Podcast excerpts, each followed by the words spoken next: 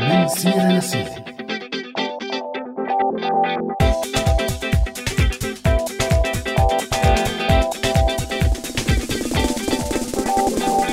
يسعد مساكم مستمعينا مستمعي راديو سوريالي بحلقة جديدة من برنامج من سيرة لسيرة.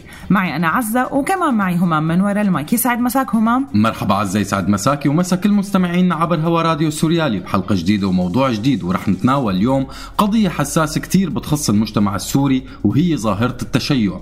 من ايمتى هالظاهرة كانت موجودة وهل زادت بعد ال 2011 أو لا؟ وبدنا نحكي كمان همام عن محاولات التغيير الديموغرافي مثل ما بيشوفوها البعض وهل إلها علاقة بظاهرة التشيع ولا لا؟ هي الجوانب يلي بتتعلق بظاهرة التشيع رح نناقشها مع ضيفنا الباحث السوري سقراط العلو المختص بالاقتصاد السياسي والعلاقات الدولية والبحث الإسلامي التاريخي. وقبل ما نبلش موضوعنا خلونا مستمعينا نمسي مع بعض على أماني معدة البرنامج وغالي على متابعة التعليقات وأكيد تيسير على الهندسة الصوتية. يسعد مساكم جميعا. لا تسألني عن ديني مديون وعايف ديني. لا تسألني عن مديون وعايف ديني. لا دينك رح يوفي الدين ولا ديني رح يغنيني رح يغنيني. لا تسألني. لا تسألني وخليكم عم تواصلوا معنا مستمعينا برسالة صوتية أو مكتوبة على الواتساب على الرقم 00962 سبعة سبعة تسعة ثمانية خمسة واحد اثنين واحد صفر. وكمان ما تنسوا صفحاتنا على مواقع التواصل الاجتماعي فيسبوك وتويتر. سؤال حلقتنا لهالأسبوع هل بتعتقدوا أنه التدخل الإيراني بسوريا بيهدف لنشر فكر ديني أو سياسي بسوريا؟ وشو خطورة الموضوع على المجتمع السوري؟ ديني دين ودينك دين وطفرانين ومسبوقين ديني دين دينك دين طفرانين ومسبوقين أيوة. وكل واحد عنده دينه وعادينه الله يعينه. كل واحد عنده دينه وعادينه الله الله يعينه. يا الله. يا رب. ويا معين عين يا معين عين يا معين عين. يا معين عين. لا تسألني عن ديني مديون وعايف ديني لا تسألني عن ديني مديون وعايف ديني دينك رح يوفي الدين لا ديني رح يغنيني رح يغنيني لا تسألني.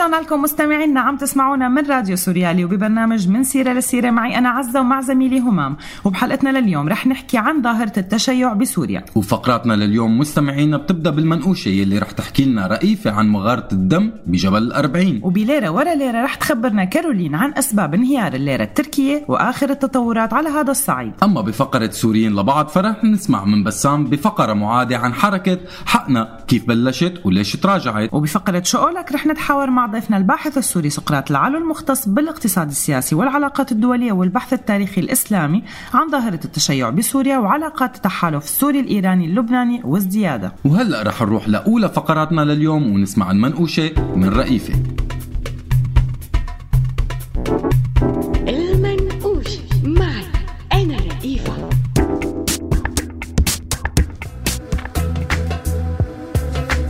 مرحبا.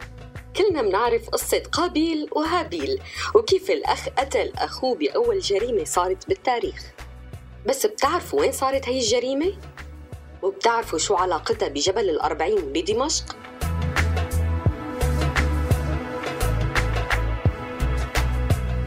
جبل الأربعين هو أعلى قمة لجبل قاسيون وفيه مغارة الدم أو مغارة الأربعين يلي بتقول الرواية إنه أول جريمة بالتاريخ صارت فيها وهي جريمة قتل قابيل ابن آدم لأخوه هابيل بتتسمى مغارة الأربعين لأنه فيها أربعين محراب وبتتسمى مغارة الدم لأنه بزاويتها في فتحة كبيرة بتشبه التم.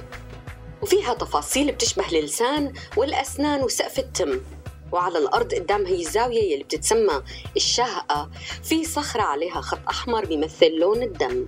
بتقول الرواية إنه لما صارت جريمة قتل قابيل لأخوه هابيل فتح الجبل تمه وشهق من بشاعة الجريمة يلي صارت فيه. وملخص الرواية إنه النبي آدم كان عنده ولدين قابيل وهابيل. قدموا قرابين ليتقربوا فيها من الله. وقبل الله قربان هابيل بس ما قبل قربان قابيل لأنه ما كان صادق النية. قام آبيل انغاظ من أخوه حقد عليه وقتله. ولأنها أول جريمة بالتاريخ وأول وفاة. ما عرف قابيل شو يعمل بجثة أخوه. فحملها وضل يلف فيها فترة لحتى شاف غراب عم يدفن غراب تاني بالتراب. فتعلم منه ودفن أخوه بالتراب بسفح الجبل بمنطقة الزبداني. والقبر لساته موجود هني كمزار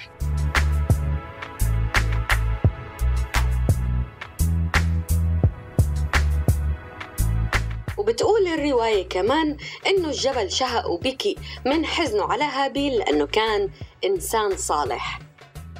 ولحد هلأ لساتها دموع الجبل بتنزل بالمغارة على شكل قطرات مي تتبارك فيها الناس. وعلى سقف المغارة في علام أصابع واضح بتقول الرواية إنه الجبل كان بده ينهار على رأس قابيل وقت ارتكب الجريمة. بس إجا ملاك من السماء وهداه بإيده لحتى تكون هي الحادثة عبرة للبشر. وكمان بالمغارة في قطعة صخرة صغيرة موجودة. بيقولوا إنها الحجر يلي قتل قابيل أخو فيها. ومن الروايات اللي كمان بترتبط بمغارة الأربعين إنه لجأ لها أربعين نبي وكانوا هربانين من ظلم ملك من الملوك. فانشق الجبل وفتح لهم الطريق ليهربوا من الطرف الثاني. هي بعض الروايات يلي بتتعلق بمغارة الدم وجبل الأربعين. إذا بتعرفوا روايات تانية شاركونا فيها. وإذا زرتوا هالمكان من قبل خبرونا عنه. المنقوش معي. أنا رئيفة الله لو نرضى ومحدش فينا يخاصم حد يزعل حد آه يفارق حد. الله لو نرضى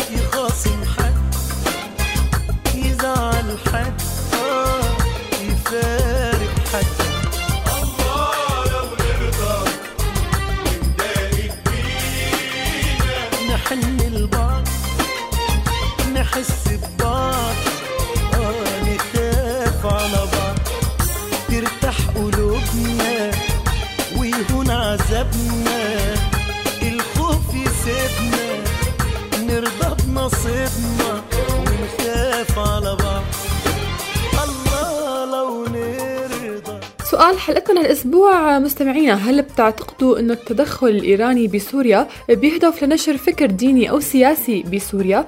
وشو خطورة الموضوع على المجتمع السوري؟ ناطرين مشاركاتكم مستمعينا من خلال إرسال رسالة صوتية أو مكتوبة على الواتساب على الرقم 00962 سبعة سبعة تسعة ثمانية خمسة واحد اثنين واحد صفر. وكمان ما تنسوا صفحاتنا على مواقع التواصل الاجتماعي فيسبوك وتويتر. ومعنا أحد التعليقات على الفيسبوك ريم عم بتقول الموضوع برأيي مو ديني الدين هو كان وما زال وسيلة لتحقيق أهداف وأطماع توسعية.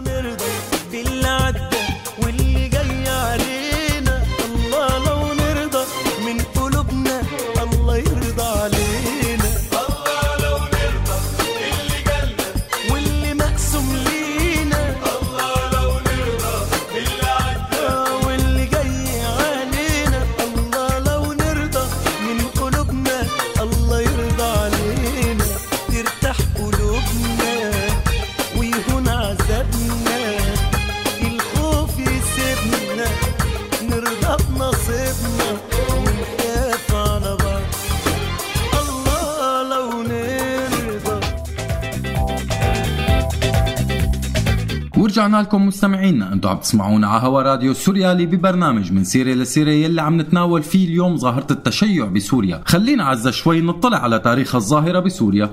هلا حسب الإحصائية اللي موجودة قدامي إنه ظاهرة التشيع قبل ال 1970 ما كانت شيء يذكر وما تجاوز عدد الأشخاص اللي غيروا مذاهبهم للمذهب الشيعي للألف شخص. يعني نحن عم نحكي عن كل الفترة تبع قبل حافظ الأسد. بالضبط همام أما الفترة ما بين 1970 لل 1999 فعدد الأشخاص اللي تشيعوا ما بيتجاوز 6960 شخص. تمام. يعني بأيام حافظ الأسد كان عدد عدد المتشيعين 6960 كحد أقصى. طيب وبعدين؟ بعدين؟ الفترة اللي بعدها ما بين 1999 لحد 2007 بيتقدر عدد اللي تشيعوا ب 8040 كحد أقصى. يعني على هذا الأساس المعدل السنوي للتشيع حتى سنة 1970 كان بحدود ال 196 شخص بالسنة. وبأيام حافظ الأسد عام 1900 ما بين عامين 1970 لل 1999 كان المعدل بحدود 232 شخص بالسنة. يعني تضاعف حوالي 12 مرة عن الفترة يلي سبقته. وعلى أيام بشار الأسد لقبل الثورة بأربع سنين تقريبا وضمن الفترة اللي بتتراوح بين 1999 لل 2007 كان معدل الانتشار بحدود 1005 أشخاص سنويا. يعني المعدل السنوي تضاعف بأيام بشار الأسد عن أيام أبوه بمعدل أربع مرات وتضاعف ب 51 مرة عن معدل ما قبل 1970 مزبوطة الحسبة 100% بس ليش حاستك مستغرب؟ هلأ أنا ماني مستغرب من الظاهرة بحد ذاتها بس مستغرب من عدم انتشار هالظاهره بايام حافظ الأسد مثل أيام بشار الأسد. لك لا همام الموضوع كلنا بنعرفه إنه إيران عندها أهداف توسعية بالمنطقة تحت شعارات الهلال الشيعي وحماية المراقد الشيعية والدفاع عن آل بيت وكل هالحكي. تمام ورح نرجع بعدين لهالموضوع. حلو بس حافظ الأسد كان يخاف من إنه يعطي المجال لإيران لتنشر التشيع يقوم ينقلب السحر على الساحر وتسيطر إيران على المنطقة ويصير هو لعبة بايدها بتحركه كيف ما بدها يعني مثل ما صار ببشار الأسد. بالضبط وهذا اللي ما كان بده إياه حافظ الأسد يصير وعم يحاول يتجنبه مشان هيك ما كان فاتح كتير المجال لايران طيب نرجع لموضوع الأهداف التوسعية والهلال الشيعي. برأيك إيران عم تسعى لهالتوسع لاهداف دينية ولا لاهداف سياسية واقتصادية وعسكرية؟ هلأ أنا هما ماني الخبيره اللي ممكن يكون عندها الجواب الشافي الوافي بس من وجهة نظري الشخصية ورأيي الشخصي المتواضع إنه الهدف سياسي استراتيجي وبغطاء ديني. قصدك إنه بيقنعوا الناس بانهم عم يدافعوا عن مبادئ دينية بس هن بالحقيقة عم يستقطبوا ويشدوا المناصرين لإلهم لتحقيق أهداف سياسية بالمنطقة. ويستقطبوا. المقاتلين كمان. يعني أنت لحتى تاخذ مقاتلين على سوريا يقتلوا المدنيين بالمئات لك حتى بالآلاف.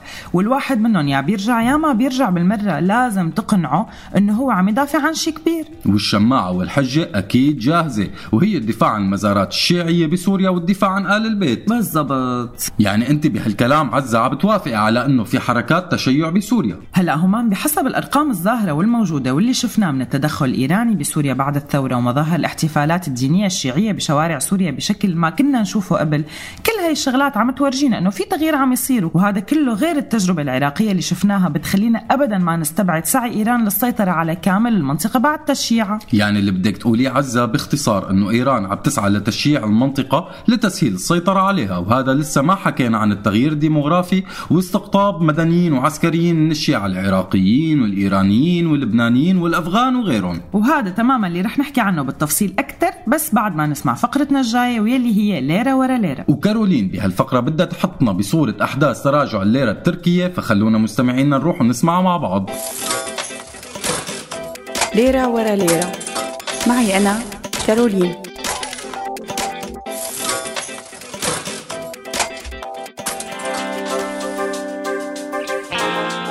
مرحبا.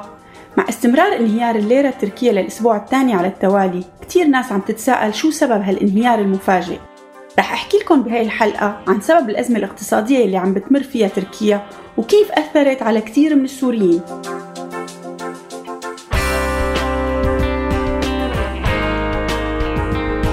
عدة عوامل سياسية واقتصادية صارت مؤخرا أثرت على الليرة التركية بس الأثر الكبير يلي سبب انهيارها الأخير بهالشكل الملحوظ هو الأزمة يلي صارت بين تركيا والولايات المتحدة الأمريكية.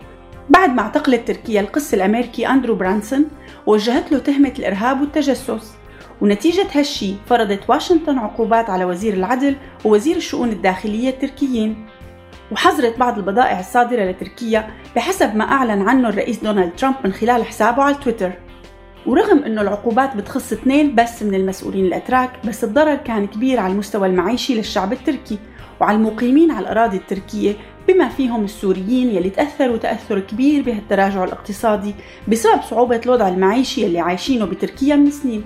وغير هيك بسبب ارتفاع أسعار المواد الأولية تأثرت كتير من الورشات والمعامل والمصانع التركية وقللت من نسب إنتاجها وخففت من الإيد العاملة لتقدر تواجه هاي الأزمة.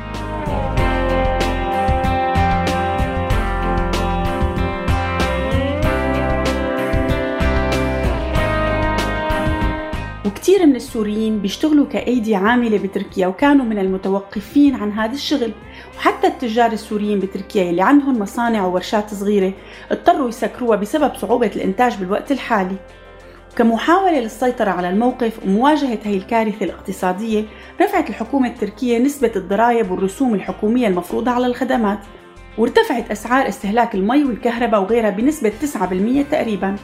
وما توقف أثر الأزمة الاقتصادية التركية على السوريين المقيمين بتركيا بس. لا امتد كمان ليشمل السوريين بالشمال السوري يلي بيتعاملوا بالليرة التركية ويلي بسبب ارتفاع الأسعار بشكل كبير وهبوط قيمة العملة رجعوا للتعامل بالليرة السورية. والحكومة التركية بالوقت الحالي عم بتحاول تحط خطط اقتصادية لتتجنب الانهيار الاقتصادي الكبير يلي ممكن يصير بالبلد. هي باختصار قصة انهيار الليرة التركية وأثرها على السوريين. فإذا كنتم من يلي تأثروا بهالانهيار احكوا لنا عن تجربتكم. سلام. ليرة ورا ليرة. معي أنا كارولين. كاس شاي تسوى الدنيا وما عليها عريق لأن الشاي بلدي وبديل الحليب. الحليب حليب من وين من وين أجيب؟ حليب من وين أجيب؟ معيش مصاري في الجيب. لكنه ابني بده يشرب حليب ومرتي. ما بترضى شكل عم بتودع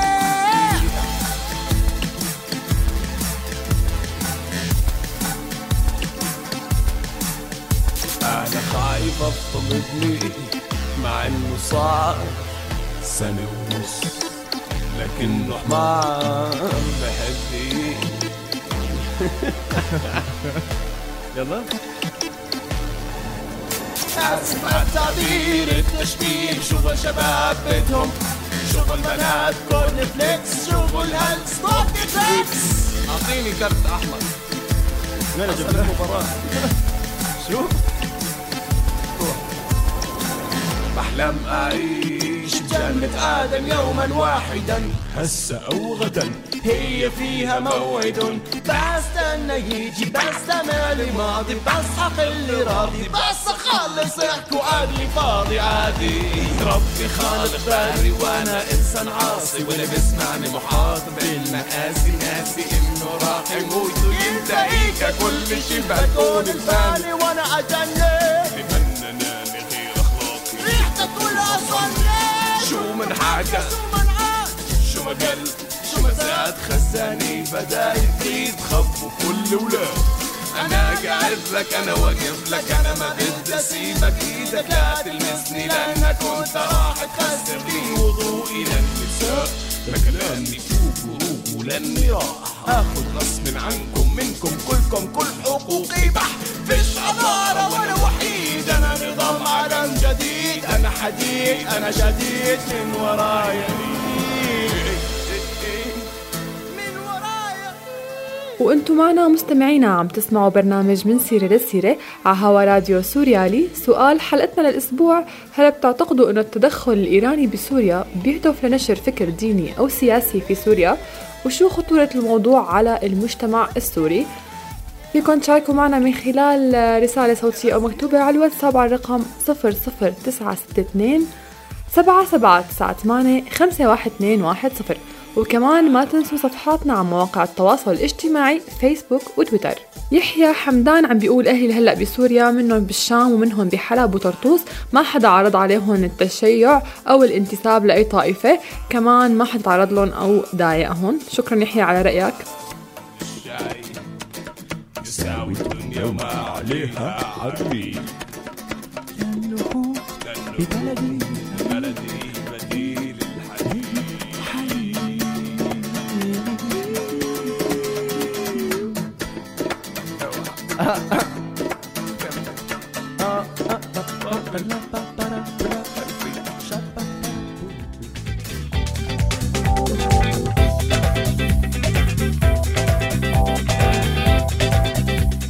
ورجعنا لكم مستمعينا عم تسمعونا على هوانا الافتراضي هوا راديو سوريالي وببرنامجنا من سيرة لسيرة. معي أنا عزة ومع زميلي همام وبحلقتنا اليوم مستمعينا عم نحكي عن ظاهرة التشيع بسوريا وحكينا قبل الفاصل عن ظاهرة التشيع وحقيقة وجودها قبل الثورة. طيب هلا عزة بنجي لبعد الثورة ومثل ما قلتي المظاهر اللي صرنا نشوفها من احتفالات جماعية بشوارع دمشق تحديدا بالمناسبات الشيعية بتورجينا إنه صار في تغيير واضح. مو بس هيك همام في تغيرات أكبر من هيك صارت وعم تصير. بتورجينا إنه عن جد في طابع شيعي عم ينتشر أكثر وأكثر. أكيد قصدك التدخل العسكري لإيران وحزب الله تحت شعارات دينية بتمثل دفاع عن آل البيت وحما- وحماية المزارات الشيعية. مزبوط. وبعض هاي الميليشيات هم حملة أسماء بتوضح أهدافها مثل مثلا لواء أبو الفضل العباس لواء فاطميون الأفغاني. حزب الله العراقي لك وغيرهم كتير. هلأ كل هدول عنا؟ والله الواحد ما عاد لحق يعد. حزير شو هدول بمدينة البوكمال السورية فقط على الحدود العراقية؟ لك وغير هيك كمان اشتغلت إيران ولساتها عم تشتغل على تأسيس الحوزات التعليمية والمؤسسات الدينية الشيعية والحسينيات مثل فروع الجامعة الإسلامية الحرة آزاد يلي افتتحوها بسوريا ببداية هالسنة وتأسيس كلية المذاهب الإسلامية بدمشق التابعه لهيئة إيران اسمها المجمع الع... المجمع العالمي للتقريب بين المذاهب الإسلامية. وهدول جزء مثل ما أنت قلت من عدة مؤسسات إيرانية عم تتأسس بسوريا بتحمل طابع ديني شيعي. أنت على فكرة عن جد هيك إذا نصفهم مدرك خطورة هالشي؟ طبعا مدرك. القصة مو مذهب شيعي أو غيره. القصة أنه في تغيير عم يصير بطبيعة التركيبة السكانية السورية وهالتغيير عم يخدم أهداف سياسية ومصالح استراتيجية بالمنطقة. وإجا بعدها قانون رقم 10 ليكمل القصة ويلي بنص على مصادرة بيوت المهجرين من أصحابها وإعادة توزيع على المقاتلين التابعين للميليشيات الشيعية من إيران وحزب الله. وهذا الكلام خطير. يعني مو بس التركيبة السكانية عم تتغير وتوزيع التركيبة السكانية كمان عم يتغير وهذا اللي كنا خايفين منه. هذا التغيير الديموغرافي اللي كانوا كتير من السوريين هم خايفين منه وعبروا عن خوفهم مع أول عملية مصالحة وتهجير. على فكرة أنا كتير متحمس ينضم لنا ضيفنا الباحث سقراط العلو ونسمع رأيه بالموضوع. قبل ما ينضم لنا همام لسه في عنا فقرة سوريين لبعض ويلي رح نسمعها اليوم. فقرة معادة بعنوان حركة حقنا. حركة حقنا مو يلي كانت بالرقة وكانت تحارب التطرف؟ تمام رح نسمعها من بسام. كيف بلشت وليش تراجعت؟ معناها يلا مستمعينا نروح مباشرة ونسمع سوريين لبعض من بسام داوود. سوريين لبعض. معي أنا بسام داوود. لنحكي عن مبادرات فيها السوريين للسوريين.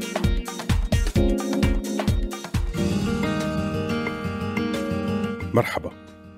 كثير من السوريين حاولوا وسعوا لفترة طويلة للدفاع عن سلمية الثورة حفاظا على دم أهلهم السوريين ولإيمانهم بأنه العنف ما بجر إلا عنف وتمثل هالشي بنشاطهم السلمي.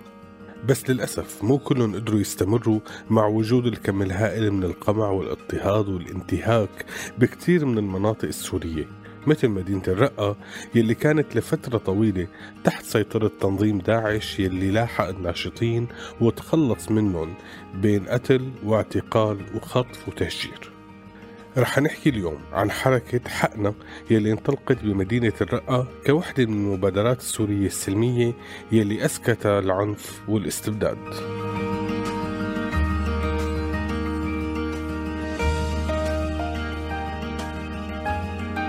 حركة حقنا.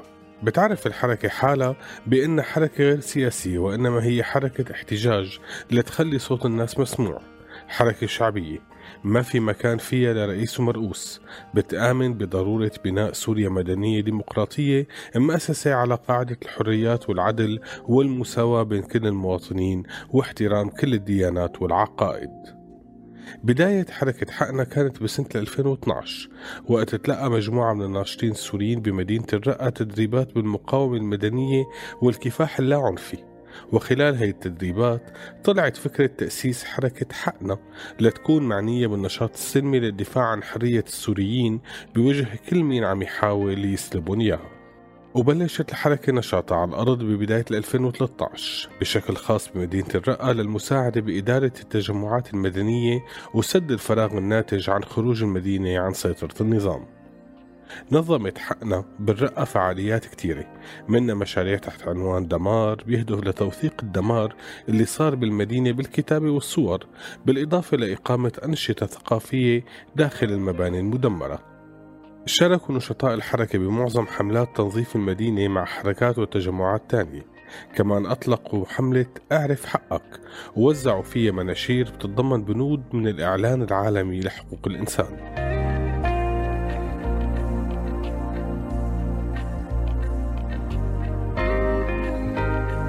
بفترة وجود المدينة تحت سيطرة فصائل المعارضة نظمت الحركة نشاطات ومظاهرات واحتجاجات على التجاوزات اللي ارتكبتها الفصائل مثل خيمة عزاء الوطن يلي نصبوها احتجاجا على إعدام جبهة النصرة لثلاث أشخاص بساحة المدينة الرئيسية وشهدت الفعاليات مشاركة من القوى والمنظمات الشبابية بالمدينة.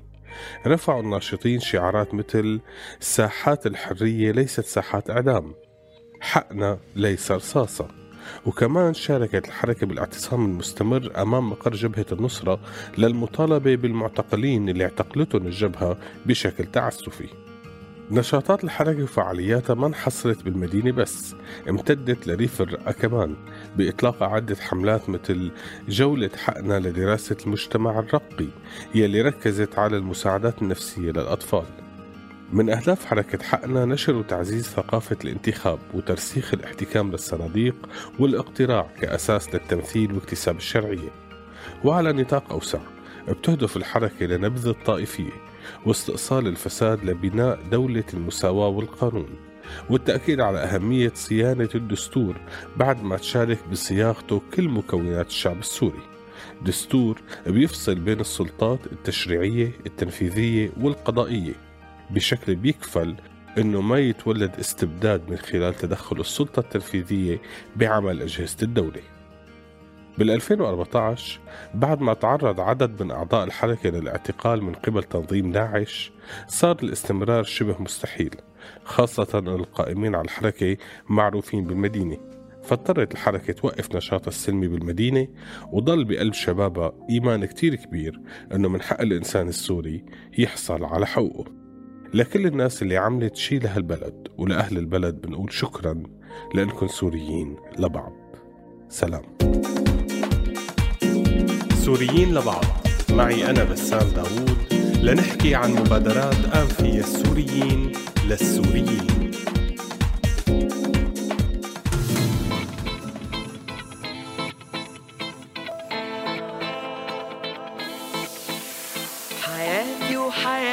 مواقف كتيرة وحاجات. لما بنفتكرها بنفرح ونضحك ساعات. في ألبوم صورنا معاني ودنيا وحياة. وإحساس جميل بينا إحنا في يوم الحياة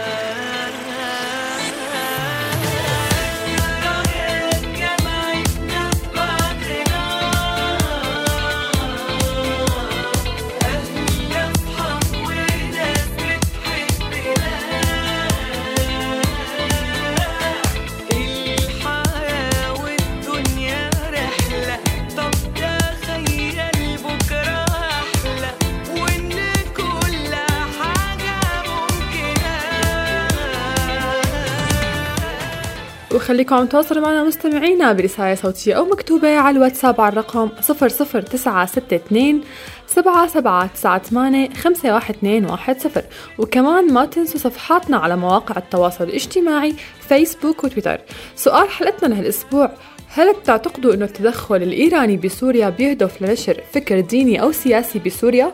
وشو خطورة الموضوع على المجتمع السوري؟ علي دعبور عم بيقول طبعا لنشر التشيع. آه كمان معنا أحد التعليقات محمد المأمون عم بيقول ما حصل بالعراق تسعى إيران لتطبيقه بسوريا. في عنا العراق أكبر دليل على خبث إيران ونوايا التوسعية في المنطقة. عدنان علي عم بيقول شيء أكيد وهالشي شغالين فيه من أكثر من 30 سنة وما في شيء جديد.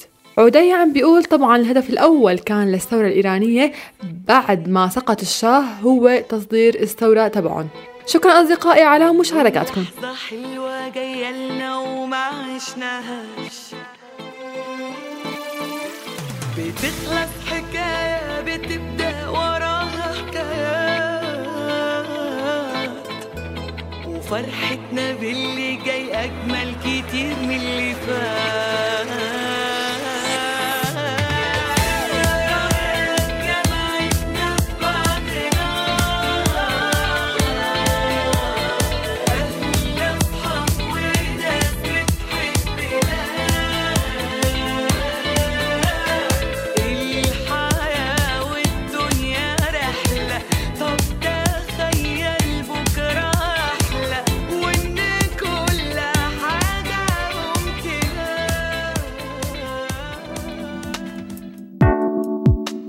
شو أغلى ظاهرة التشيع هي ظاهرة بتعني نشر الفكر والعقيدة الشيعية بالمنطقة. وشهدت سوريا تطور على هالصعيد مرتين. المرة الأولى بزمن حافظ الأسد يلي زادت فيه ظاهرة التشيع 12 ضعف عن الفترة اللي سبقته. والمرة الثانية بزمن بشار الأسد لقبل الثورة وتضاعف فيه المعدل أربع مرات عن أيام أبوه.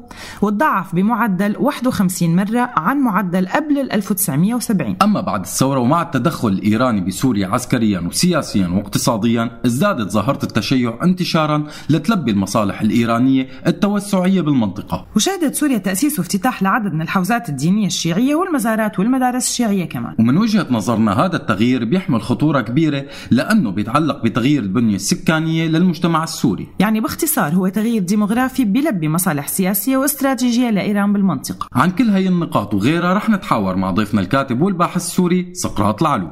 سقراط العلو هو كاتب وباحث سوري مختص بالشؤون الاقتصادية والعلاقات الدولية والبحث التاريخي الإسلامي وبيشتغل مع عدة مؤسسات بحثية وبيكتب لعدة صحف ومؤسسات إعلامية. الكاتب والباحث السوري والمختص بالشؤون الاقتصادية والعلاقات الدولية والبحث التاريخي الإسلامي سقراط العلو أهلا وسهلا فيك ضيف عزيز على برنامج من سيرة لسيرة على راديو سوريالي. أهلا وسهلا فيك سقراط. يا أهلا وسهلا أهلا فيكم. عم نحكي اليوم آه سقراط عم نحكي اليوم عن التشيع في سوريا وإذا كان التغيير الديموغرافي اللي عم يصير وعم يصير آه بيخدم التشيع. ممكن كثير من الناس تخلط بين الشيعة والعلويين. فبداية خلينا نوضح الفرق بين المذهب الشيعي والمذهب العلوي. آه المذهب الشيعي اللي بنعرفه اليوم يعني لما بنقول شيعي آه هي هون عم نحكي عن الفرقة اللي تسمى بالشيعة الجعفرية الاثنى عشرية.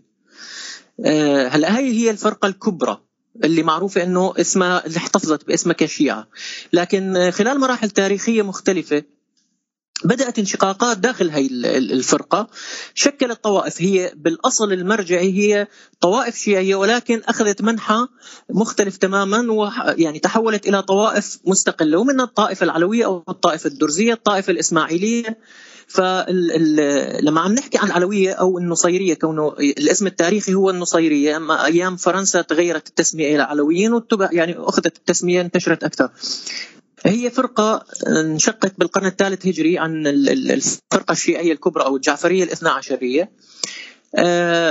العلاقة أنه قطعت تماما فكريا لدرجة التكفير. يعني الشيعة لما نقول شيعة جعفرية اثنى عشرية بكتبهم بمراجعهم بيعتبروا الفرقة النصيرية أو الطائفة العلوية هي كفار. بمعنى بسموهم العلي إلهية أي مؤلهي علي. كونهم يعني غلاة صار بيصنفون غلاة الشيعة أو اللي غالوا بحب علي لدرجة التأليه. فهي العلاقه والفارق الإيديولوجي يعني اللي بيناتهم العلاقة واصلة للتكفير يعني عند الشيعه الجعفرية الاثنى عشريه تجاه الطائفة النصيرية أو العلوية بنعرفها هلأ. تمام. طب سقراط في بعض الدراسات والكتب بتقول إنه ظاهرة التشيع بسوريا هي ظاهرة قديمة من أيام حافظ الأسد. شو رأيك أنت بالموضوع؟ تمام. هلأ ظاهرة التشيع أو التحول المذهبي يعني بعتقد أقدم مو بس من حافظ الأسد يعني أعتقد من من ظهور الطوائف بالإسلام كان في ناس عم تتحول مذهبيا بين بين الطوائف. فالموضوع قديم جدا لكن إمتى صار ظاهرة؟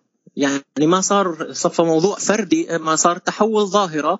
ففعليا قبل قبل وصول حافظ الأسد إلى السلطة ما كان في ظاهرة ملاحظة جدا بالتحول بين المذهب الشيعي والمذهب السني.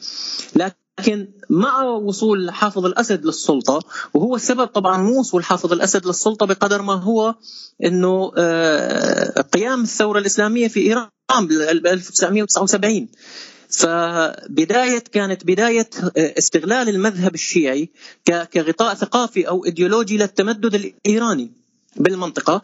فعلى أساسها تم اعتماد مبدأ تصدير الثورة ومبدأ تصدير يعني عند الخميني كان هو معناه دعم الجماعات الشيعية بالدول العربية والدول المحيطة بإيران. وأدلجتهم سياسيا بشكل يضمن تبعيتهم لإيران. فبالنتيجة وين ما وجدوا الشيعة العرب وجدت إيران بال يعني فهاي كانت الخطة. هلأ حافظ الأسد التقط هاي الإشارات وعرف يوظفها لصالحه. بشكل يسمح له إنه يست... يعني يتحالف مع إيران لدعم نظامه. فإذا آه، رجعنا بالعلاقة بس لك يعني إمتى بدأت فعلا العلاقة مع حافظ الأسد. آه، العلاقة كانت مع حافظ الأسد حتى قبل الثورة الإيرانية عن طريق موسى الصدر. الإمام من أصل فارسي لكن جنسيته كان يمارس نشاطه بلبنان واللي آه، اختطف في ليبيا واختفى. موسى الصدر كان أحد رواد يعني الإحياء السياسي للطائفه الشيعيه بلبنان. تحويله إلى كيان سياسي. فحافظ الأسد كانت أزمته عندما يعني لما وصل للسلطة بال 71 عملوا الدستور السوري حاول حافظ الأسد يشيل الفقرة الخاصة بدين رئيس الجمهورية. أن دين رئيس الجمهورية هو الإسلام. فيعني خرجت مظاهرات حاشدة وخصوصا مدن حلب ودمشق ضد هاي فتراجع عن الإلغاء. لكن واجهته مشكلة أنه في ذلك التاريخ كانوا العلويين لا يعتبروا مسلمين فمع إبقاء هاي الفقره وحافظ الأسد من من الطائفة العلوية ما راح يستطيع أنه يوصل لرئاسة الجمهورية. كان المخرج هي فتوى أصدرها موسى الصدر لحافظ الأسد بأن العلويين هم من الشيعة فبالتالي هو مسلم فهون يعني فيك تعتبر أنه بدأت علاقة حقيقية أو خدمات حقيقية يتلقاها آه، حافظ الأسد من آه، الشيعة أو من الفكر الشيعي السياسي اللي كان أحد رموزه موسى الصدر. بعد ذلك طبعا حافظ الأسد تحالف مع إيران. كنا بنعرف قصة التحالف يعني خصوصا بالحرب العراقية الإيرانية عبر عنه التحالف هذا. آه، الدعم اللي كان يتلقاه حافظ الأسد طبعا إيران دولة تبحث عن التمدد. أي شخص بده يتحالف مع إيران بده يكون يعني مثل ما يأخذ مصالح منها هي بدها تحقق مصالحها من من خلاله. فكان حافظ الأسد اضطرارا آه، آه، يسكت. عن التمدد الشيعي أو عملية التشييع اللي عم تقوم فيها إيران آه، بسوريا. فهي العلاقة بين حافظ الأسد وبين إيران. ممتاز. طيب سقراط آه، رح نحكي شوي عن ظاهرة التشيع بزمن حافظ الأسد. آه، كيف كانت تتم كيف كان يتم التشيع ومين الفئات اللي كانت تستهدف بالتشيع بهذيك الفترة؟ تمام. هلا حافظ الأسد ايديولوجيا أو كشكل نظام إنه دعم مباشرة آه، آه، عملية التشيع لا ما صار. لكن حافظ الأسد كان مضطر إنه قلت لك يعني يقدم تنازلات لإيران. آه، هاي التنازلات كانت على شكل إنه السماح بنشاط تبشيري. بيقوموا فيه رجال دين سواء لبنانيين أو إيرانيين أو عراقيين بيجوا. وهون كانت في في حالة استضافة المعارضة العراقية آه، آه، آه، لنظام صدام حسين خصوصا بفترة الثمانينات وتركز هي هي المعارضة اللي استقبلهم هن وعوائلهم وكانت بغالبيتها طبعا هي المعارضة الشيعية وخصوصا يعني فترة الثمانينات وبعد انتفاضة الشيعة بال 91 أيضا بالعراق. فتركزوا بالسيدة زينب وبدأوا يعني يقوموا بنشاط إحياء هذا المقام وممارسة الطقوس الشيعية بناء الحوزات. هذا كان تحت مرأة يعني النظام السوري بس كان مسموح فيه. أيضا كان نشاط المركز الثقافي الإيراني وإلى الآن يعني هو أحد أكبر المركز الثقافي بدعم من السفارة والسفارة الإيرانية بيقوموا بنشاط تبشيري. هي اللي كان يتم عهد حافظ الأسد. آه، في كان آه، يعني ظاهرة ما استمرت كثير هي آه، جميل الأسد. لما أسس جمعية المرتضى هي جمعية شيعية وتقوم بنشاط تبشيري طبعا. داخل الطائفة العلوية كان تركيزهم إعادة بسموها التيار إعادة الفرع إلى الأصل. إنه أصل الطائفة شيعي الشيعي فبنرجع نحن لأصلنا الشيعي. آه، كان رئيس هاي الجمعية آه، جميل الأسد شقيق حافظ الأسد. آه، لكن هاي هي الجمعية كانت بفترة فيك تقول كان فيها يعني شوي ضعف عند حافظ الأسد لصالح رفعت. فكان جميل الأسد هو مقرب أكثر من من رفعت. فكان الهدف هو حشد أنصار لرفعت الأسد. داخل الطائفة العلوية وخارج حتى هاي إطار هاي الطائفة العلوية، لكن هاي الجمعية ما لقت آه، صدى واستجابات واسعة يعني لا داخل الطائفة العلوية ولا حتى خارجها، يعني آه، اقتصر نشاطهم على بعض الناس اللي تشيعوا من الطائفة العلوية اللي هم بالأصل أنصار من أنصار رفعت. آه، أيضا النشاط الملحوظ لهي الطائفة كان بالقامشلي بعض الأكراد آه، لقد صدى عندهم ولكن هذول الأكراد أيضا كانوا متحالفين. هن يعني غالبيتهم آه، بينتموا للبي كي كي ال- ال- الحزب حزب العمال الكردستاني. آه، فهذول اللي تشيعوا ليش؟ لهم يعني هن بالأصل أصولهم تركية. غالبية قيادات ال PKK هي من أصول تركية. فالأكراد اللي بال PKK والقيادات اللي تشيعت هن غالبيتهم علويين. هن من الطائفة العلوية اللي مقيمة بتركيا. آه، ذهبوا باتجاه ال- الانتساب الانتساب لهي ال- ال- الجمعية. آه، يعني الجمعية هي جمعية المرتضى فيك تقول آه، كانت للناس الوصولية غالبا. يعني اللي دخلوا فيها الناس الوصوليين اللي بيستفيدوا إنه آه، إذا تقربوا من رفعة الأسد بالانتساب للجمعية فإن راح يتقربوا من جميل الأسد ومن رفعة الأسد وبيحققوا من خلالها مصالح يعني. أما التشيع إيديولوجي فما كان في نهائي. يعني ما بعتقد أكثر من الناس الوصولية أو أصحاب مصالح. فيعني حتى بال- بالدراسات اللي وهي على قلتها وندرتها يعني اللي تحدثت عن الأعداد بعهد حافظ الأسد يعني تكاد تكون آه، يعني لا تذكر يعني في ميت يعني بال 230 لل 250 شخص سنويا. تمام. طب فقط يعني. طب سقراط ذكرت أنت ال- قامشلي. القامشلي بال... قبل شوي بالسؤال اللي قبله من المدن اللي صار فيها تشيع بزمن حافظ اسد بتتذكر شي مدن أخرى سوريه تانية؟ طبعا التشيع هو كان متركز على الساحل السوري بالدرجة الأولى وخصوصا نشاط جمعية المرتضى. أيضا كان بإدلب كانت بال- بالمرتبة الثانية بال- بال- بالتشيع. آه، آه، المرتبة الثالثة كانت لحلب. آه، رابعا آه، محافظة درعا والمنطقة الشرقية بالأخير أقل نسب يعني. لكن النسبة الكبرى كانت بالساحل إدلب حلب. بالساحل. ممتاز. طيب شو كان الهدف الأساسي سقراط من نشر الفكر والعقيدة الشيعية برأيك؟ الهدف الأساسي بالنسبة لإيران هو هذا مبدأ مشهور يعني بال بال بالعلوم السياسية وبالعلاقات الدولية وبخاصة يعني من مبادئ الشيء اللي بنسميه التمدد الجيوسياسي. بمعنى إنه أي دولة بتحاول إنها تتجاوز بنفوذها حدود الجغرافية هي بدها مرتكزات. من أول القوة العسكرية القوة الاقتصادية وبدها غطاء إيديولوجي. بمعنى يعني قيم آه، فاضلة جذابة بتص... إنه أنا بصدر هاي القيم، يعني بنشوف مثلا الولايات المتحدة الأمريكية كل تمددها بالعالم قائم على مبادئ إنه نشر الديمقراطية، حقوق الإنسان، هذا هذا بنسميه غطاء ثقافي أو غطاء إيديولوجي، يعني في شيء بدها تصدر لك إياه ثقافيا مو بس القوة العسكرية. إيران بال... بالمقابلة اعتمدت على الشيعة العرب بأنه هدول ممكن يصيروا أنصار لإيران وحاضنة شعبية لدعم إيران. فبدأت إيران آه، تشتغل على ال- الشيعة الموجودين بكل دولة عربية وضمهم لكيانات سياسية أو تحويلهم لكيانات سياسية تابعة لإيران عن طريق التمويل وبناء مشافي بناء مدارس بناء جامعات آه، منح دراسية لإيران. فأي شخص يتشيع فهو يرتبط تلقائيا بإيران فهو بده يصير من أحد أنصار إيران داخل الدولة اللي هو فيها. فكل ما زاد عدد الشيعة في أي دولة عربية فهذا في صالح إيران إنه زادوا عدد أنصار إيران.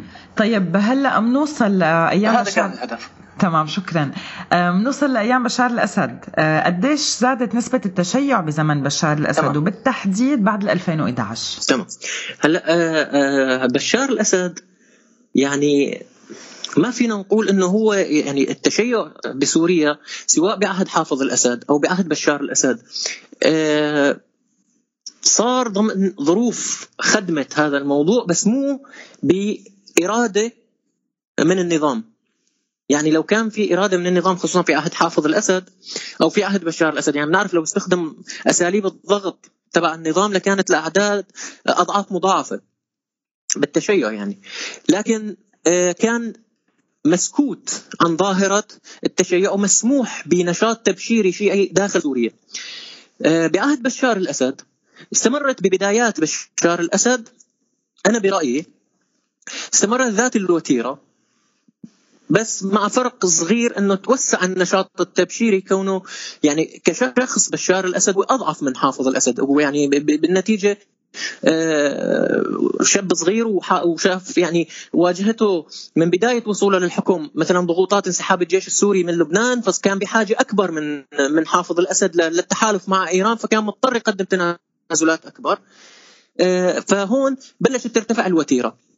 لكن المفصل الحقيقي أنا باعتقادي كان هو حرب تموز بال 2006 حرب تموز بال 2006 وقبل تحرير الجنوب اللبناني طبعا والانتصارات اللي عملها حزب الله آه، إجت بفترة يعني الناس فيها محبطة، محبطة من من الهزائم اللي عم تعيشها الأمة بشكل عام يعني غزو العراق واللي كان بوقت الانتفاضة انتفاضة الأقصى والمجاز.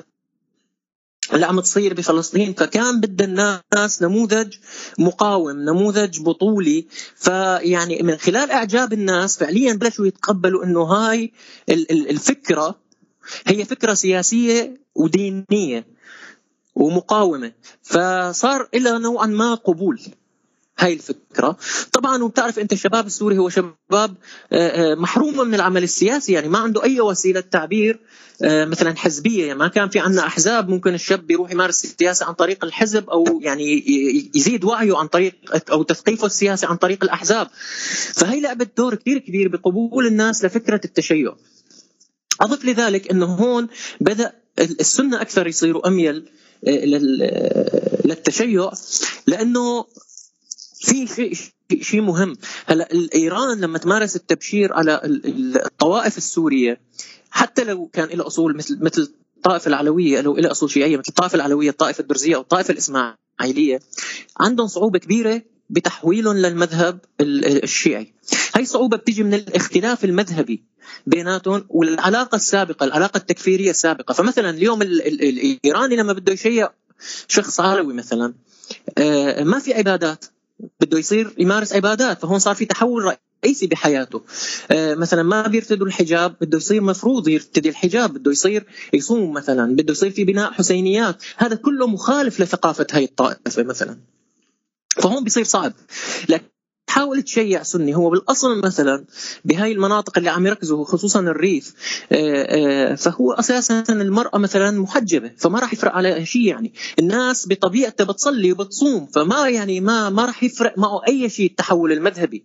عرفت شلون؟ عبارة بس تغيير باتجاه معرفة أكبر ب يعني هاي بالمراحل الأولى عم بحكي لك تعريف أكبر بتاريخ آل البيت بمظلومية آل البيت لكن على مستوى عبادات ونمط الحياة ما بيكون في تغيير بالنسبة للشخص السني. لذلك هون بعهد بشار الأسد بلشت الحملات حملات التشييع بتركز على السنة أكثر من من ال الأقليات الأخرى وبخاصه بالريف المناطق الأشد فقرا وصاروا عم يعطوا ميزات. يعني آه، راتب شهري للشخص المتشيع آه، الطلاب آه، منح دراسية على إيران للفرع اللي بدك إياه يعني تدرسه بإيران. آه، دعم آه، على مستوى إنه آه، العلاقة مع النظام. يعني ممكن يعمل لك واسطة مع مع الدولة محمي امنيا تأخذ امتيازات أكثر. فكانت هي يعني المغريات اللي كانت تقدم للأشخاص وبركزوا على الشرائح الأقل آه، يعني آه، تعليما والأكثر فقرا. حلو. طيب سقراط بما أنه عم نحكي عن الشرائح اللي عم بيركزوا عليها بحادثة التشييع خلينا كمان آه، من وراء هذا الحكي نروح لشيء ثاني نحكي عن المناطق يلي عم بيتركز عليها ظاهرة التشييع بعد 2011 شو هي؟ تمام. هلا المناطق بعد 2011 بدنا نراعي شغلة إنه 2011 عملت انقلاب بكل المفاهيم. عفوا هل ضل هل هل بقي الساحل هل بقي الساحل محتل المرتبة الأولى مثلا بالتشيع؟ تماما. الساحل لأنه هو كان لما لمرحلة ما قبل التدخل الروسي يعني قبل ال 30 9 2015 هو محمي من الميليشيات الإيرانية. وإيران كانت يعني آخذة مجدها بالساحل بهذيك الفترة لكونها هي الحامي فما ما حدا في يعترض. وعملت معاهد للتعليم المذهب الجعفري آه، معاهد مأجورة. هي بيدخلوا من بعد المرحلة الإعدادية. واعترفت فيها طبعا وزارة التعليم وزارة التربية السورية. فكان الطفل يعني من صف بعد الصف التاسع بيدخل لثانويه شرعية بتدرس المذهب الجعفري هي موجودة باللاذقية مقابل راتب شهري. فأنت بتعرف بعد الأزمة اللي صارت الأزمة الاقتصادية بعد 2011 فأي أسرة يعني بوده خصوصا الأسر المحدودة الدخل أو الفقيرة بي يعني بي بيكون من الأفضل إنه إذا لقت مدارس بتعطي رواتب لابنائها يعني بياخذ التعليم وبيطالع مثلا آه، آه، معيشته الشهرية. فكان التركيز على الساحل. آه، باقي المناطق يعني كون المناطق اللي اللي صارت فيها الثورة أو تركزت فيها الثورة هي مناطق سنية بالغالب. وكان العدو المباشر بالثورة هو هو حزب الله وإيران فتغيرت كثير من المفاهيم. فيعني آه، آه، جمهور الثورة أو حتى المواطن السوري العادي وعي الكذبه الايرانيه وعي الهدف الإيراني وعي وعي حقيقة حزب الله.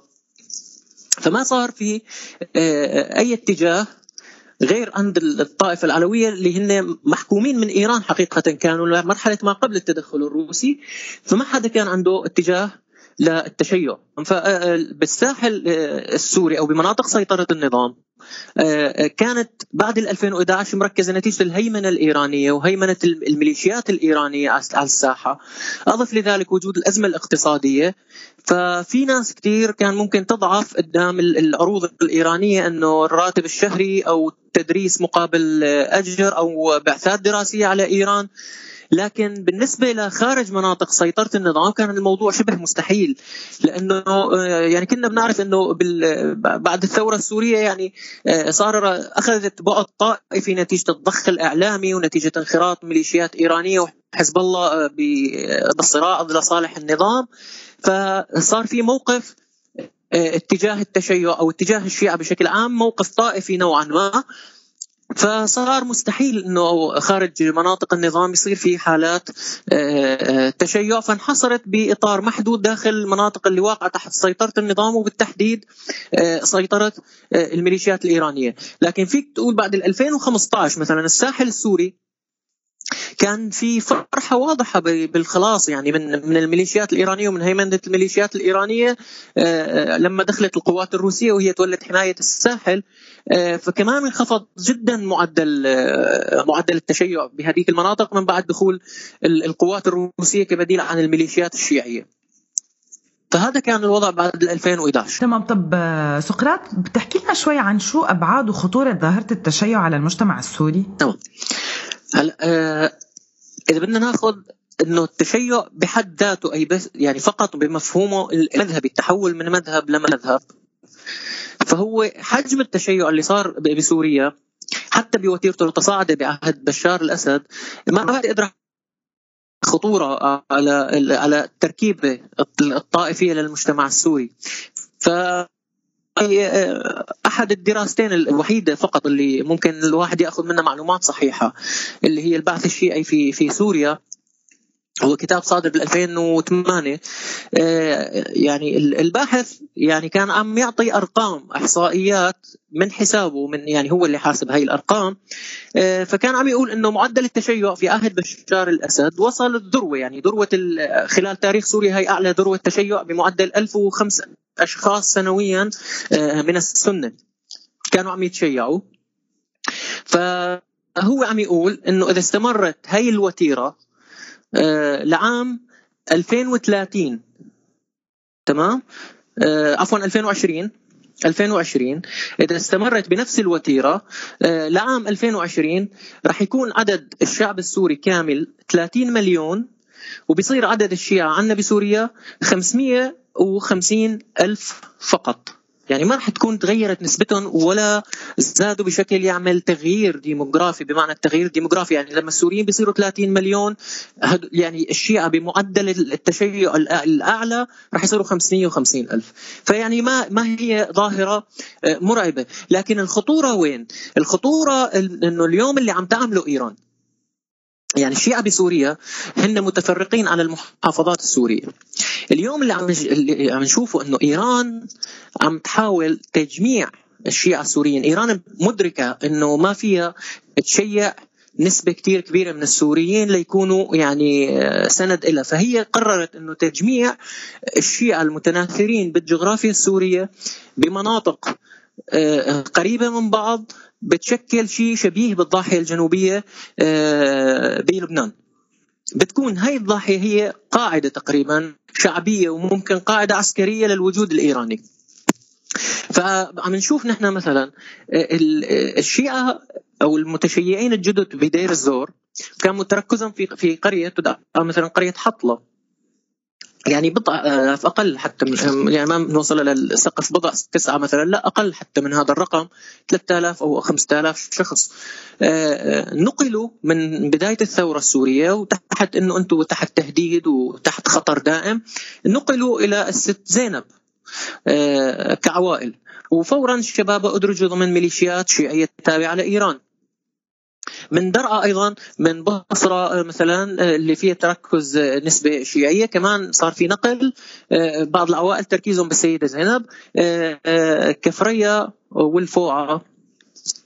شفنا عملية النقل بمباركه إيرانية. يعني ينقلون باتجاه أيضا هلأ حطوهم بحمص بمعسكر إقامة مؤقتة.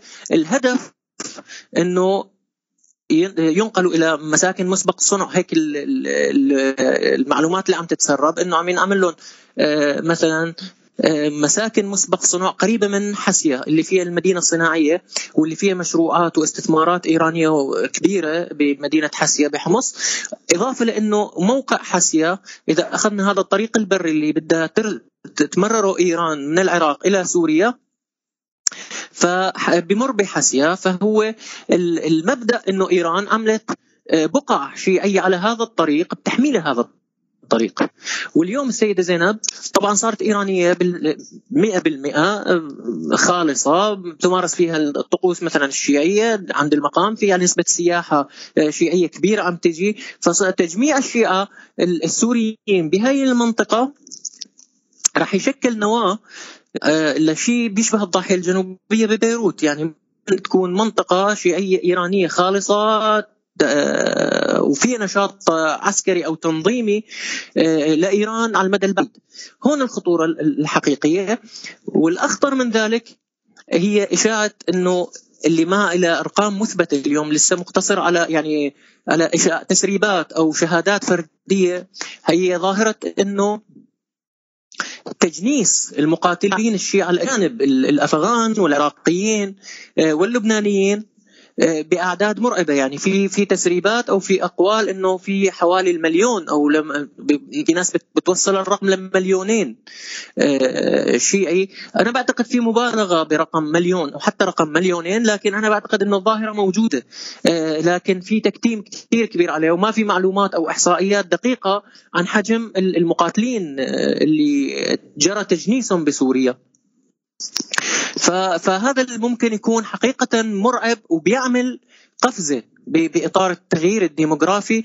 يعني إذا تم تشييع آه، معدل 150 ل 200 ألف أو 300 ألف مقاتل فهذول خلال عشر سنوات ممكن الرقم يتضاعف. فهون فعليا عم يصير تغيير ديموغرافي حقيقي.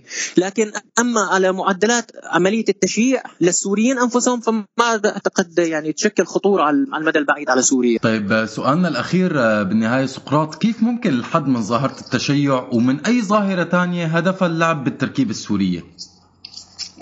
مثل ظاهرة التجنيس اللي قبل شوي ذكرتها حضرتك. هلا مثلا. تمام. هلا الموضوع صار ارتباط بين بين وجود أو بقاء النظام السوري وبين آه، تحالفه مع إيران.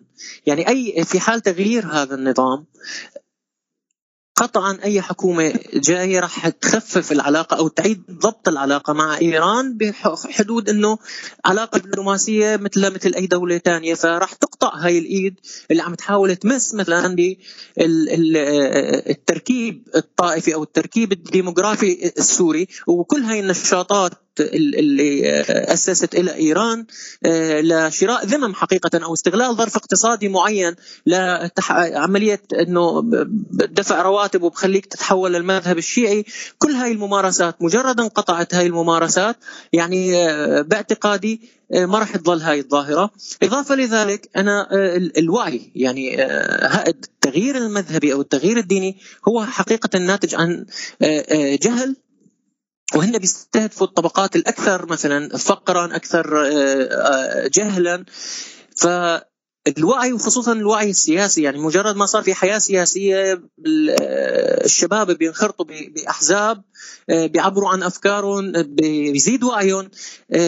تنشيط الحياة السياسية بعتقد بحد جدا من هاي الظاهرة مع طبعا مع يعني قطع الذراع الإيراني عن المجتمع السوري.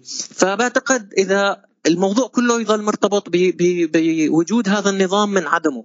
آه، في ظل وجود هذا النظام فممكن تمر عمليات التجنيس. آه، ممكن تظل إيران عم تمارس هذا النشاط على المدى البعيد. فهون فعلا في خطورة حقيقية أما إذا سقط النظام فأعتقد الظاهرة راح تتلاشى يعني مع مع أربع خمس سنوات بتتلاشى يعني وما عاد يظل أي أثر. ممتاز طيب نهاية سقراط عن جد بدنا نشكرك على وقتك وعلى المعلومات القيمة اللي أعطيتنا إياها وعلى على الحديث الشيق اللي اللي قدمت لنا إياه بالنهاية عن جد شكرا لك ويعطيك ألف ألف عافية. شكرا كثير لكم وأنا سعيد جدا بال... بإني شاركت معكم بهذا البرنامج. تحياتي لكم. شكرا تسلم كثير تسلم لك. سقراط. شكرا لك يعطيك ألف عافية.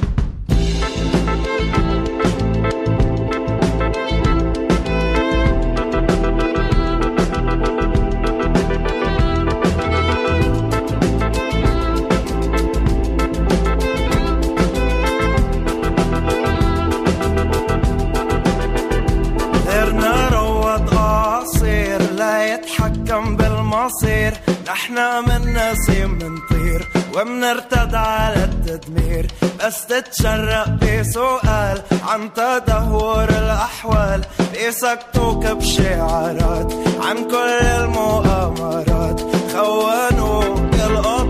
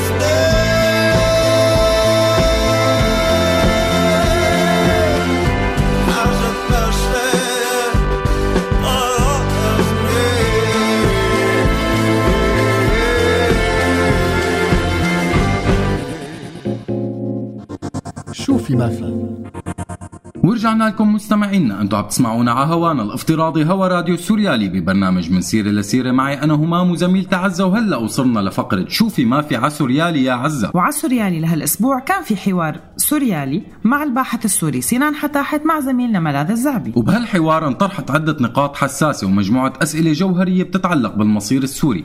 منها هل ممكن تشهد إدلب بالفترة القريبة الجاية عملية عسكرية؟ وشو ممكن يصير بالمناطق الخاضعة لسيطرة قسد وكمان شو ممكن يصير بم- بمصير عفرين.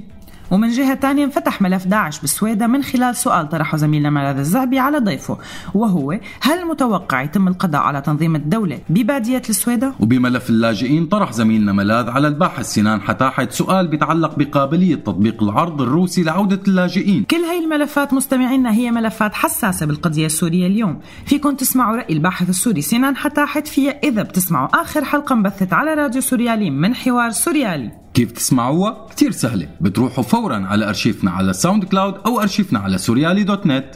ولبين ما تروحوا وترجعوا رح نطلع فاصل وراجعين. سيرة ورا الباب.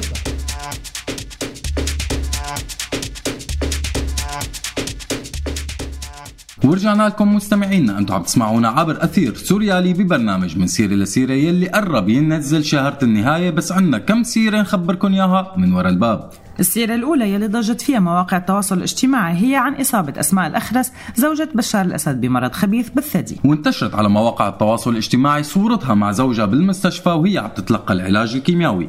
وانفتحت جدالات طويلة بين السوريين بين معارضين شمتانين بمرضها أو المؤيدين اللي دعوا لها بالشفاء. أما سيرتنا الثانية مستمعينا من الغوطة الشرقية اللي بعد شهور من سيطرة قوات النظام عليها بيدخل إليها مجموعة من النحاتين اسمهم فريق آرام ويلي بيضم حوالي 18 نحات لينحتوا جدران الانفاق المحفورة فيها يلي حفرتها فصائل المعارضه المسلحه يلي كانت مسيطرة على الغوطة لتسهيل انتقال عناصر المقاتلين ولتلقي الإمدادات ومواد غذائية وبضائع مختلفة بوقت الحصار. وهالأنفاق بتمتد من أحياء دمشق الشرقية بالآبون وبرزة وتشرين وبتوصل للغوطة الشرقية. ولهون مستمعينا بيكون خلص مشوارنا معكم لليوم. بدنا نتشكركم على استماعكم تواصلكم ومشاركتكم انطرونا الأسبوع الجاي بحلقة جديدة وموضوع جديد. ضلوا بخير. وأنا بدوري كمان بدي أشكركم مستمعينا وبدي أشكر أماني معدة البرنامج وغالي على متابعة التعليقات وتيسير على الهندسة الصوتية. وهلأ رح ودعكم على خير وعلى أمل اللقاء. كنت معكم أنا عزة. وأنا همام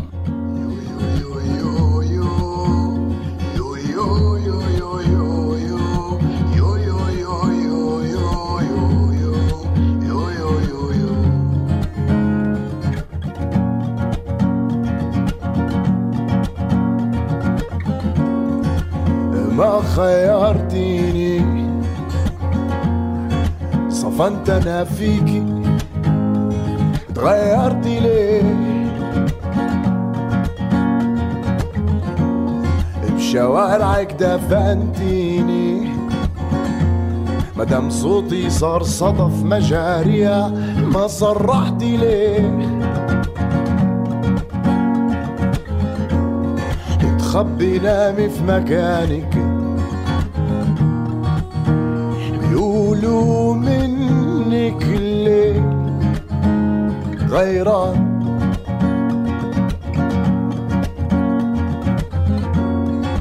ضلي انت العنوان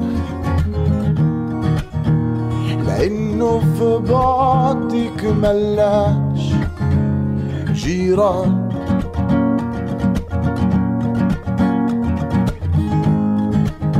إحنا الحكاية الجداد إحنا الهدايا الجداد. وإحنا الحكاية اللي مش كل شي بيرضيك بيرضينا. انتي اتغيرتي ليه؟ ضل شوقي أنا. شلال بيجري في حواريكي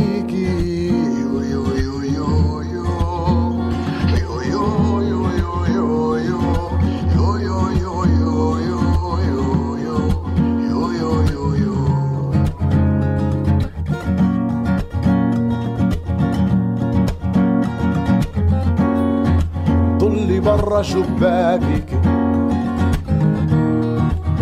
ربك قولي لي إحنا كيف ننام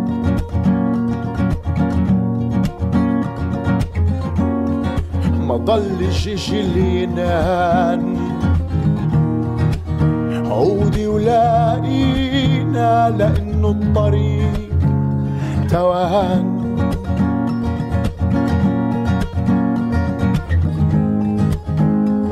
الحكاية الجداد. إحنا الهدايا الجداد. إحنا الحكاية اللي مش كل شي بيرضيك بيرضينا. انت اتغيرتي ليه؟ ضل شوقي أنا.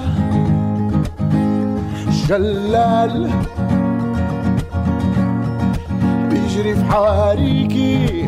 إحنا الحكاية الجداد إحنا الهدايا الجداد إحنا الحكاية اللي مش كل شي بيرضيك بيرضينا. من سيرة لسيرة